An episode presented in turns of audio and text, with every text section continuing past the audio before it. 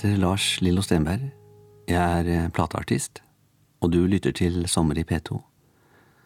Det er et eh, program der jeg kan snakke om hva jeg vil, egentlig, men eh, helst noe jeg har på hjertet.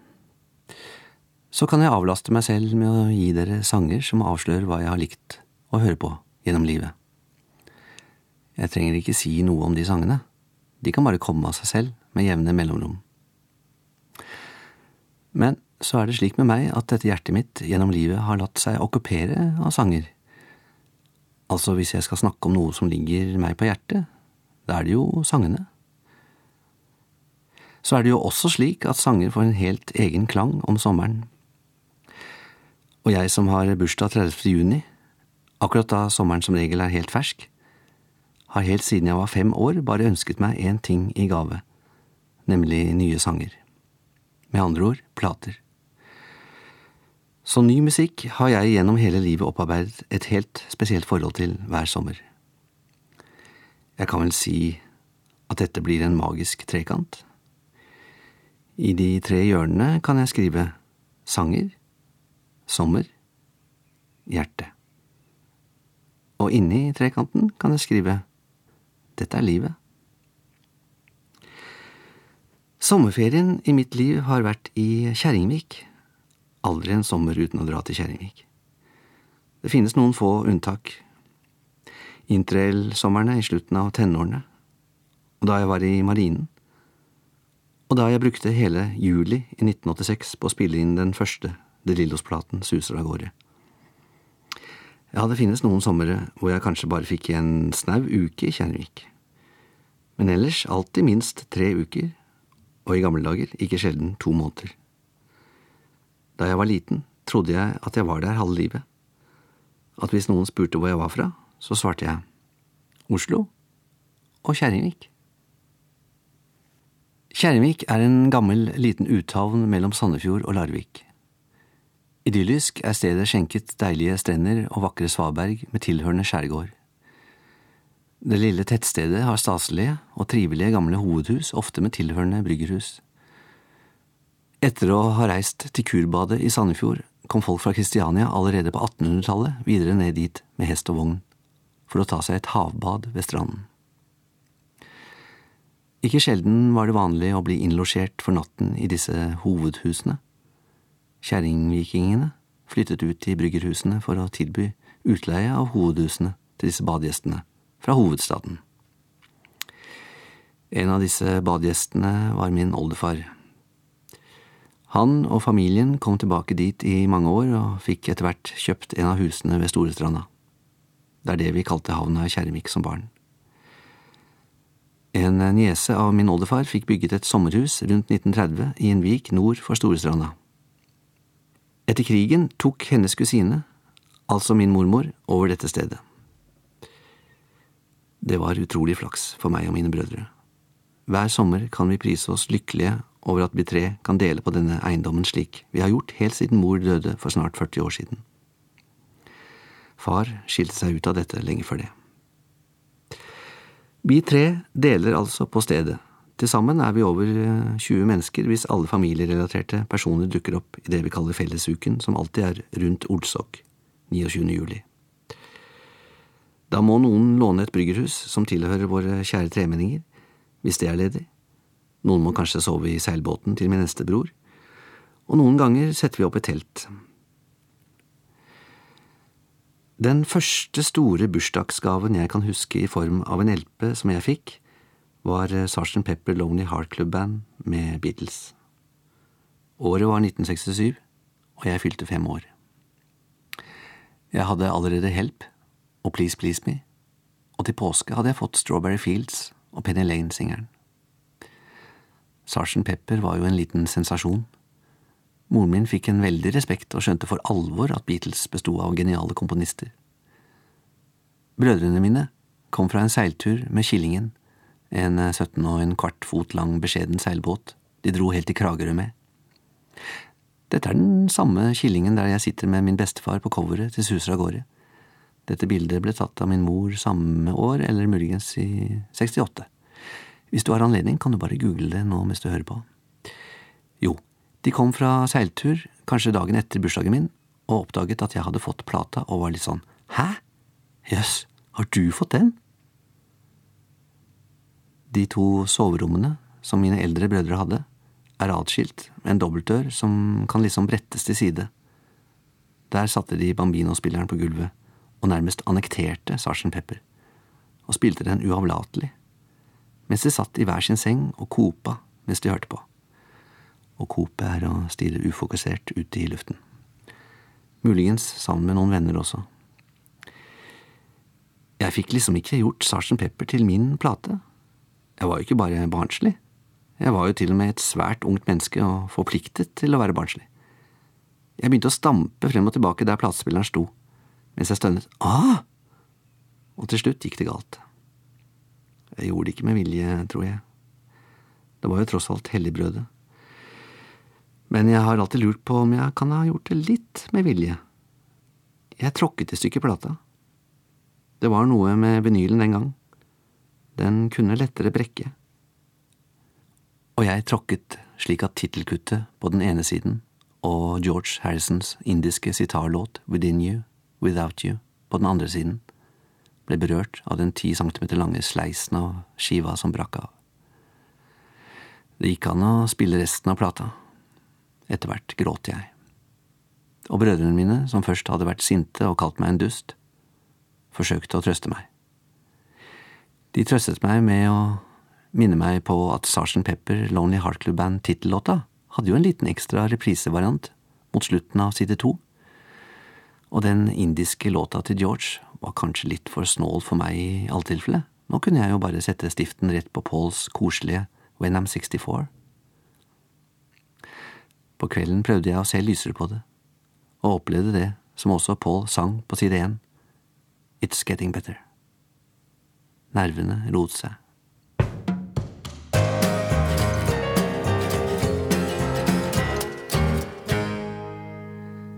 Ti år senere kommer vi til sommeren 1977. Jeg har blitt så stor at jeg og noen venner får lov til å dra ned til Kjernevik de første dagene i ferien helt alene. Det samme får Nini Stoltenberg gjøre, med masse venninner. De skal til eh, nabohavna Ula. Nå må jeg spørre deg, kjære lytter, er det greit at jeg bare leser opp fra en bok som kom ut i år? Den heter Nini, og forfatteren, det er meg. Si ja. Takk. Sommeren 77 dro jeg bort til jula nesten hele tiden, og en gang sov jeg over i en eller annen seng, eller mest sannsynlig på sofaen i stuen. Denne morgen kom en blek, lav jente som røykte mest hasj av dem alle, og sa at jeg burde ta oppvasken. Den var stor. Aldri senere har jeg sett en større oppvask. Tror ikke det fantes noe rent igjen i hele huset da jeg satte i gang. Jeg hadde ikke vært med på alle middagene, men ok, alt for damene. Etter et par timer begynte jentene å stå opp, og jeg var ennå ikke ferdig. Oppvasken går ikke spesielt fort den dag i dag. Og jeg visste jo ikke hvor jeg skulle sette alt sammen. Da sto Nini der og spurte meg hvilken dag det var. Jeg tror det er torsdag, sa jeg. Ja, men jeg mener, hva heter det for noe igjen? gliste Nini. Dato er ordet. Jeg må dra til byen 1. juli. Da kom jeg plutselig på at det var ganske synd på meg. Her hadde jeg stått i timevis med en oppvask, og så var det 30. juni, min egen 15-årsdag. Da Nini fikk høre det, ropte hun. Nei, er det sant? Vi må jo skynde oss å lage kake. Og så lo hun og sa at jeg ikke måtte vaske opp en eneste ting til, og dro av gårde barbent for å kjøpe kakeingredienser. Ninnis venninne Thea, som var eldst i huset og antagelig fungerte som en slags storesøster og verge, dro til Sandefjord og fikk tak i den nye plata med Crosby, Stilson Nash. Hun hadde også tatt vare på et intervju med dem fra musikkavisa Rolling Stone, som hun også forærte meg. Jeg var veldig takknemlig og imponert. Jeg tror jeg har det intervjuet et sted fremdeles. At de ble gjenforent etter syv år, var jo en sensasjon. Ok, nok bok. Ja ja, sånn var det da, til og med en oppvask var spennende. Synd at Ninni ikke selv fikk snakket inn et sommer i P2-program. Det ville jeg likt å hørt. Crosby, Stills and Nash, 1977.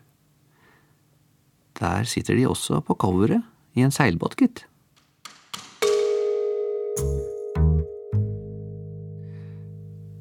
Den uh, Ula-sommeren i 1977 burde jeg fått meg kjæreste, egentlig. Alle gutter som synger og spiller gitar, skal etter myten ha lett for å tiltrekke seg damenes interesse. Jo, interesse fikk jeg, men ikke kjæreste. Tvert imot. Jeg måtte jo bare spille gitar. Noen andre tok seg av kliningen. Men uh, ti år senere, i 87, så har jeg fått til det meste. Jeg har kjæreste, og jeg har suksess. Den tidligere nevnte debutplaten vår suser av gårde, har solgt i gull, og vi har reist rundt i hele dette lange landet til utsolgte konserter i klubber, kinoer, diskoteker og samfunnshus. Fattige studenter har blakka seg ved å kjøpe pysjamas og gått på konsert med den på for å vise oss at de er svært dedikerte. Til og med Jan Friis, Tor Milde og Tom Sjeklesæter stiller i pysjamas på Spellemannprisen i Chateauneuf det året, i ren protest over at Suser av gårde ikke engang ble nominert. På det vi kaller verandaen i Kjermik, som egentlig er en omsluttende trasse, satt jeg og feiret 25-årsdagen med masse venner. Jeg vet ikke om jeg var lykkelig, men det burde jeg vært. Bekymringsfritt og kult var livet. Jeg kunne drikke og røyke masse. Hvis jeg ble fyllesyk, så var det nesten litt deilig og oppvisende. Ikke slik som nå, hvor jeg kan lure på om det er et nytt hjerteinfarkt på gang. Jeg hadde penger, og nesten ingen utgifter. Ingen barn, ingen bil, ingen EU-kontroll, ingen SMS-er eller mailer jeg hadde glemt å svare på. Og vi kunne le. Lange latteranfall. Karin Vesterheim, hun fra Nord-Norge som var musikkjournalist og hadde blitt kjent i halv sju på TV, kom også ned for å feire meg. Hun hadde med en gave, det var ikke en LP, men en selvinnspilt kassett der hun hadde grafset gjennom underlige, foreldede norske poplåter fra 50- og 60-tallet. Dette var ganske mye mer far out enn eh, Kirsti Sparbos En sommer er over, som jeg senere skal nevne. Dette var hardcore. Jeg husker tekstbiter. Hør på denne, for eksempel. Jeg tenker av og til at du er lei av meg. Jeg tenker av og til på å spørre deg, men jeg har lært å ikke være stein, for det kan jo være at jeg tar fullstendig feil. Eller denne. Hun kan være fra Bergen, Moss eller Skien, eller Kristiansand. Bare hun er grei, går allting an. Dette var jo lenge før Harald Eia og de ca. et par hundre andre som i dag er ironisk sprøe med mange lag, og som snart i en generasjon har boltret seg i radio og TV. Det var ikke sånn da. Ikke noe særlig avansert ironi i det hele tatt. Så da kunne vi le i vei og tro at ingen andre i verden hadde så rar humor som oss. I hvert fall ikke i NRK, der disse sangene var smuglet ut ifra. Men eh, en sang, som vi også lo av, kunne jeg ikke annet enn å bli litt imponert over. Jeg hadde vært eh, gjennom noen ulykkelige forelskelser. En kjempelang en, i tenårene, på avstand riktignok, og en med en som gjorde det slutt. Alt var jo så utrolig vellykket for meg der jeg satt på verandaterrassen. Hun jeg var sammen med, var intelligent og kul og vakker og veldig god sans for å se komikken i ting. Likevel, der i all min glans i Kjermik, så hadde jeg disse tåpelige ettervirkningene av forsmådd forelskelse som aldri førte frem. Derfor talte denne komisk tapre jeg-personen til et ukomfortabelt hjørne av hjertet mitt. Dette er ikke en sang jeg har hørt ofte på. Det er ikke en favoritt, det er ikke sikkert den går inn på min topp 1000 liste over foretrukne sommerlåter engang, men jeg bare husker den så godt. og selv om den var veldig gammel, så var Åse Thoresens Ser du Jan, så hils fra meg ny i 1987, og en bursdagsgave.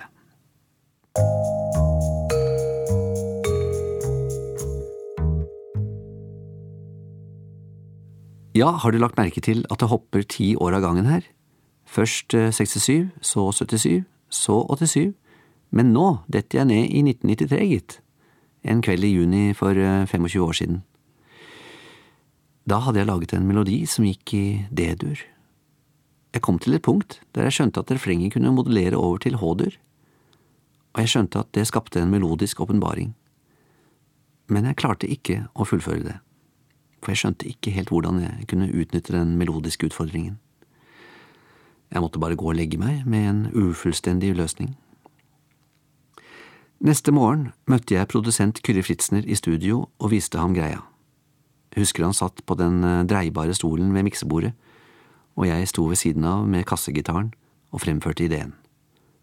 Han eh, dreide mot meg, og med fingeren klar mot gitarhalsen ba han meg spille den overgangen til H en gang til. Da jeg gjorde det, så bare sang han hele den kommende refrengmelodien med sin fine kyrrestemme, sånn.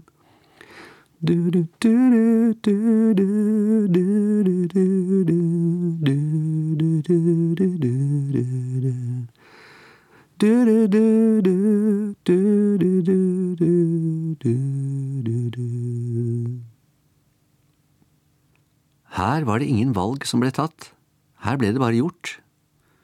Og den gjøringen til Kyrre, som varte i ca. 15 sekunder, det forandret livet en del, egentlig. De Lillos solgte mindre og mindre plater de første årene på 90-tallet, og turnerende skrumpet inn. Vi var i alle ferd med å få barn. Kanskje måtte vi ha revurdert litt om vi kunne fortsette på samme måte, hvis det ble så minimalt med inntekter som det var i ferd med å bli. Jeg ville sikkert ikke sluttet med verken musikk eller De Lillos. Nei, vi ville nok eh, ikke gått dukken. Men eh, kanskje vi, som da var ca. pluss minus 30 år, måtte vurdert en eh, ekstra innsats for å skaffe oss flere ben å stå på. Kanskje hadde det vært en flott og spennende ting for meg? Søren heller, Kyrre. For vi fikk altså en monsterhit, og tjente masse penger. Turneene ble kjempelange. Mine to små døtre fikk nesten en alenemamma med lite søvn i flere år. Jeg var også selvsagt kjempetrett da jeg innimellom var hjemme et døgn eller to. Det var ikke mye jeg klarte å gjøre godt igjen etter fraværet. Selvbildet krympet vel heller ikke av all suksessen og alle nachspielene. Det var eh, begynnelsen på noe som førte mot et brudd til slutt. Det ville muligens skjedd i alt tilfelle. Men søren heller, Kyrre. 15 sekunders melodisk innfall fra deg fikk følger. Jeg kan jo ikke avspille neste sommer, selv om det hadde vært naturlig nå. Det orker jeg ikke. Men jeg skal gjøre noe litt overraskende og utenom. Du skal få høre min venn Aksel Olsen lese opp teksten som om han var den nå avdøde, kjente og kjære professorteologen Jakob Jervel. Dette var heller ikke et valg Aksel tok, tror jeg, det bare ble slik.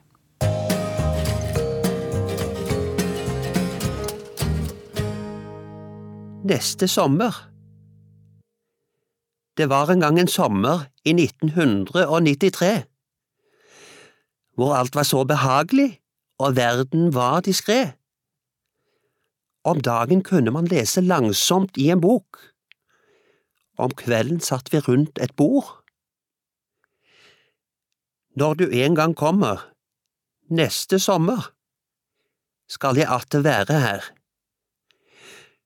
og vi skal synge gamle sanger om igjen.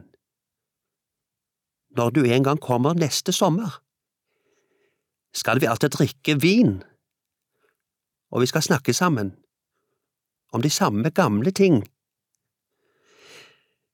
Det var en gang en sommer i 1993, hvor verden lå ufarlig langs Norges kyst et sted. På radioen var det et program om sommermat. Vi ruslet ned og tok et bad. Når du en gang kommer neste sommer, skal jeg atter være her og vi skal synge gamle sanger om igjen. Når du en gang kommer neste sommer, skal vi atter drikke vin, og vi skal snakke sammen om de samme gamle ting.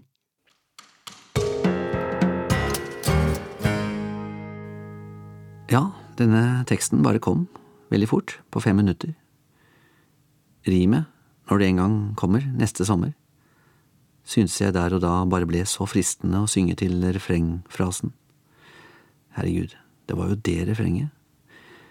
Jeg opplevde det nesten komisk, og det fikk meg til å tenke på gamle norske poplåter som dem på den kassetten jeg fikk av Karin Vesterheim. Tror ikke jeg tenkte på en konkret i 1993, men jeg skjønner jo nå at det er Kirsti Sparbos En sommer er over. Den går slik. En sommer er over, men minnene om den består. En sommer er over, men vi ses igjen til neste år. Dette var egentlig franske Mireille Mathieu sin tyske hit Der Sommer kommt wieder. Vel, vel, Benny Borg og Andreas Diesen sin oversettelse for Sparbo har det samme budskapet som neste sommer. Dette er to sanger som gleder seg over at det ikke er noe vits i å ta noen valg, vi skal atter være her, vi skal ses igjen til neste år og snakke om de samme gamle ting. En selvtilfreds og fullendt stagnasjon satt i system. Muligens litt mer sentimentalitet i Sparbo sin versjon. Ja, teksten skrev jeg som sagt på et par minutter, den bare kom, først og fremst fordi vi var så ivrige på å synge et eller annet, slik at vi fikk kjent på hvor bra melodien var. Vi tenkte at vi sikkert kunne lage en bedre tekst senere. Men så skjønte vi at dette er rett og slett teksten, dette banale fokuset på at vi skal møtes igjen neste sommer, er kanskje ikke så banalt. Det er snarere et grunnleggende menneskelig behov, dette at det gode og hyggelige skal vedvare inn i livets evighet. Jeg tenker på Siddhartha Gautama, han som senere bare ble kalt Buddha, som visstnok betyr den oppvåknende eller opplyste. Han fant jo ut 400–500 år før Kristus at mennesker lider via sin lengsel. Har du det vondt, så lengter du etter å ha det godt. Har du det godt, så lengter du etter at det bare skal fortsette og bli enda bedre. Det er selve lidelsen. Du vil alltid lengte mot noe bedre, samme hva. Buddha ville kanskje rådet oss slik. Se på sommeren som et fysiologisk astronomisk forhold mellom jordens avstand og vinkling til varmekilden solen. Du kan oppleve det som behagelig og gledelig, men det er ingen grunn til at dette skal ha noen virkning på din grunnleggende sinnsstemning. Slutt å lengte, slutt å lide. Men sommeren. Lidelsens mulighet ligger jo ikke bare i det å lengte mot den neste. Man kan også lengte mot den forrige, og da heter det ikke lengte, egentlig. Da heter det savne. Ikke sommeren i fjor nødvendigvis, men kanskje den før det, eller den for mange, mange år siden. I det gamle sommerhuset i Kjerringvik, der vil vi virkelig at livet skal vare og at ting skal være uforandret. Til og med plastdingser blir besjelet der. Når vi vasker opp, så legger vi bestikket i en rød plastbeholder som er skrudd fast over kummen. Om den ikke er fra 60-tallet, så er den i hvert fall fra 70-tallet. Hver gang jeg står og vasker opp, ser jeg at eh, skruehullene i plasten har fått en liten brist. Jeg har sett det i minst fem år. Stakkars eh, bestikkholder av plast, tenker jeg. Vær så snill å holde ut. Sommeren blir ikke det samme uten deg. Lager ikke sånn deilig solid plastikk lenger. Du er sikkert kjøpt hos Trygve Hansen, den lokale dagligvarebutikken i Kjerringvik, nedlagt i 1994. Han hadde mye rart utenom mat. Dartspill, drammeglass, veggklokke, flytemadrass og sånn. Og antagelig også en plastbeholder for bestikk. En dag må den byttes ut og kastes. En bestikkbeholder av plast kan ikke vare evig, veit du. Den dagen blir faktisk litt vemodig. Det er hardt å tenke på at den bare skal sorteres i resirkulert posen for plast.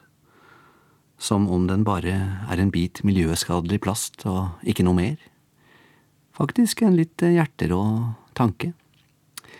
Den dagen blir en påminnelse om at den sommeren for lenge, lenge siden aldri helt kan gjenoppstå. Det blir atter en gang å søke trøst hos uh, følelsesløse Buddha. Han mener vel til og med at vi strengt tatt ikke er avhengig av bestikk engang.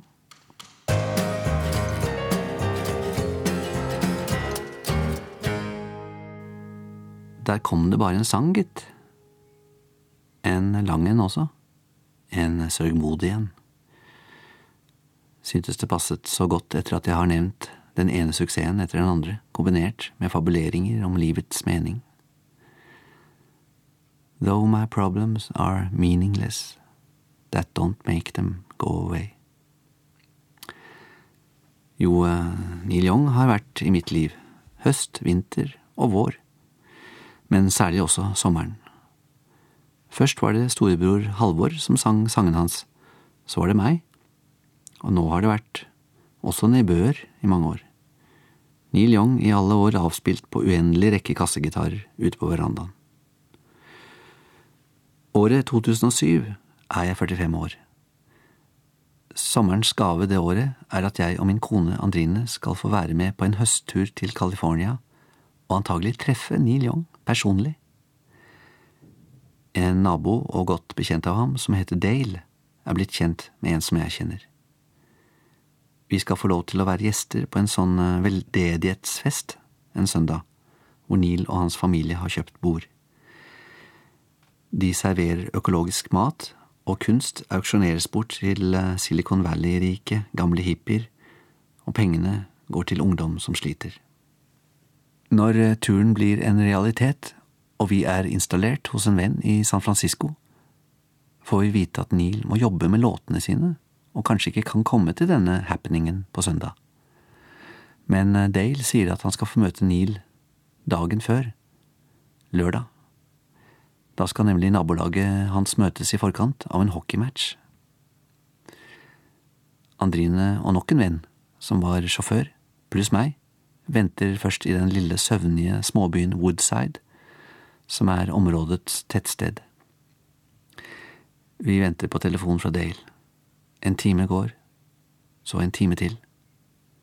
Plutselig får vi beskjed om å kjøre opp til Alice's Restaurant, oppi åsen der. Ja, den heter faktisk det. Det er visst ikke opphavet til den kjente Arlo Guthrie-visen og filmen. Vi er sultne, men tør ikke bestille noe selv om det går nesten to timer til. Så får vi plutselig telefon om at vi må skynde oss som bare det hvis dette møtet skal bli noe av. Dale eh, gir vår sjåførvenn en hektisk forklaring av veien. Fra Skyline Boulevard, som altså er en liten riksvei opp i høyden av denne åsen med enorme redwoodtrær, bærer det etter hvert nedover et uvirkelig hippiefrik, Narnia, Brødrene Løvhjerte, Ringenes herre-aktig område som er ubeskrivelig tiltrekkende langs smale veier som snor seg forbi det ene måpeproduserende juvet etter det andre. Ettermiddagssollyset som slipper gjennom med sine lange stråler, skaper ikke noe som passer til ordet guddommelig. Nei, her er det kun Oh my God som funker. Vi finner til slutt riktig avstikker og gjennom en antikk jernbom så åpner landskapet seg, og vi parkerer noen minutter senere ovenfor en villa som ligger slik at man ser over det duvende landskapet som bølger seg ned mot Stillehavet. Der nede på terrassen ser vi at det sitter en gjeng. Når vi går ut av bilen, hører vi en kar som snakker høyt og intenst. Og tro det eller ei, når vi nærmer oss, så skjønner jeg at pratmakeren er Neil Young. Jeg tenker umiddelbart på at jeg så broren hans Bob Young en gang si på trykk at uh, folk tror at broren min er stille og tilbakeholden. But they should only know he is a talker. Dale møter oss og virker lettere nervøs, og da vi lusker gjennom stuen og ut på terrassen, så er det nesten slik jeg tenker det må være å slippe gjennom porten til Sankt Peter. Gud Neil får presentert at jeg spiller i Young Nils, Dette er altså hobbybandet mitt, hvor vi bare spiller Young-låter. Om noen år har vi holdt på i 30 år, og allerede i 93 fikk Young en Young Nils T-skjorte som han bar på Kalvøya-festivalen. Da spurte han Kalvøya-publikummet Do you like this T-shirt? Well, it's not for sale. Nå hadde jeg i forveien fått innsideinformasjon om at skjorta var blitt utslitt. Så det første jeg gjør for ikke å bruke for mye av hans tid, er å forære ham en ny skjorte, i tillegg til en liten norskdesignet elgitar, som han for øvrig i år, forsmedelig nok, solgte på en auksjon. Jeg setter meg ned og får eh, tilbudt en øl og faktisk et stykke fyrstekake. Det smaker akkurat som fyrstekake. Så snakker vi. Gud Neil er hyggelig og grei. Jeg blir rolig.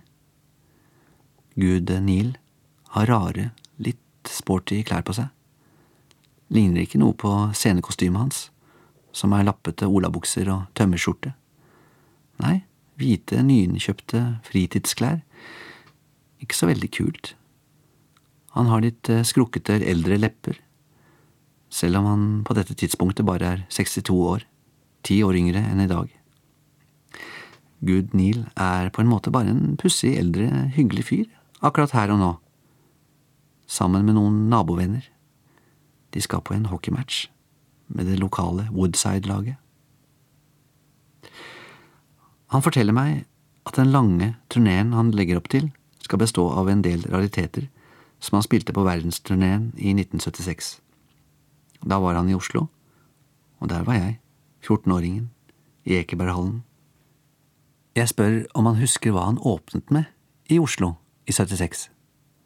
Han svarer Tell Me Why, som for øvrig er den første låta jeg lærte å spille på gitar av broren min. Nei, sier jeg. Det var uh, Sad Movies. Så blir jeg overmodig tar og pakker ut den lille elgitaren og setter i gang og synger. Wow, I'm really glad you remind me of this one. Og så synger Gud Neil sammen med meg. Jeg har egentlig aldri skjønt hva lykke er for noe. Det er liksom alltid en liten, ja, en bitte liten buljongterning som heter bekymring, blandet inn i den suppen jeg driver og smaker på. Men nå var det bare den kraftige gledesbuljongterningen i hele smaken og etterpå tar vi bilde, og Neil holder et godt, kjærlig grep rundt meg og Andrine. Han hadde egentlig tenkt å dra på veldedighetsfesten likevel, men da vi reiste tilbake for å se konserten hans i New York senere den høsten, fortalte Dale at han denne søndagen ble sittende hjemme og øve på sad movies. Tenk, jeg hadde påvirket Neil til å sitte og øve på en ukjent låt han hadde glemt. En annen som også har eh, beundret Neil Young, som ofte har sunget hans sanger og sikkert møtt ham mange ganger, er Jeff Tweedy. Jeff er sanger og låtskriver i amerikanske Wilco. Alternative Rock Band står det i det engelske Wikipedia. Sommeren 2007 kom en plate, Sky Blue Sky, som hadde veldig alternative rockelåter på den måten at det høres ut som deilig og behagelig sommermusikk. Jeg hørte mye på den i bilen den sommeren. Der virker det som om Jeff Tweedy i en sang er påvirket av, bevisst eller ubevisst, Buddhas budskap om å finne indre fred uten å håpe, lengte og savne. Han mener han skal klare å være fornøyd og angstfri om solen skinner eller ikke. Either way. Men jeg må dessverre innrømme at livet hadde ikke blitt helt det samme om jeg aldri hadde fått treffe Neil Young. Men det var bra at han var i godt humør. Jeg har snakket om Kjerringvik, den evige sommer, lengte mot neste sommer, og det å lære av Buddha å ikke lengte. It's all one song har Neil sagt til publikum når folk har skreket sine låtønsker opp mot scenen. Det er mye buddha-klokskap i å si It's all one song. Livet er alltid én sang, du trenger ikke hele tiden tro at det er noen andre sanger du heller må synge. Eller, de andre sangene har det samme som denne sangen.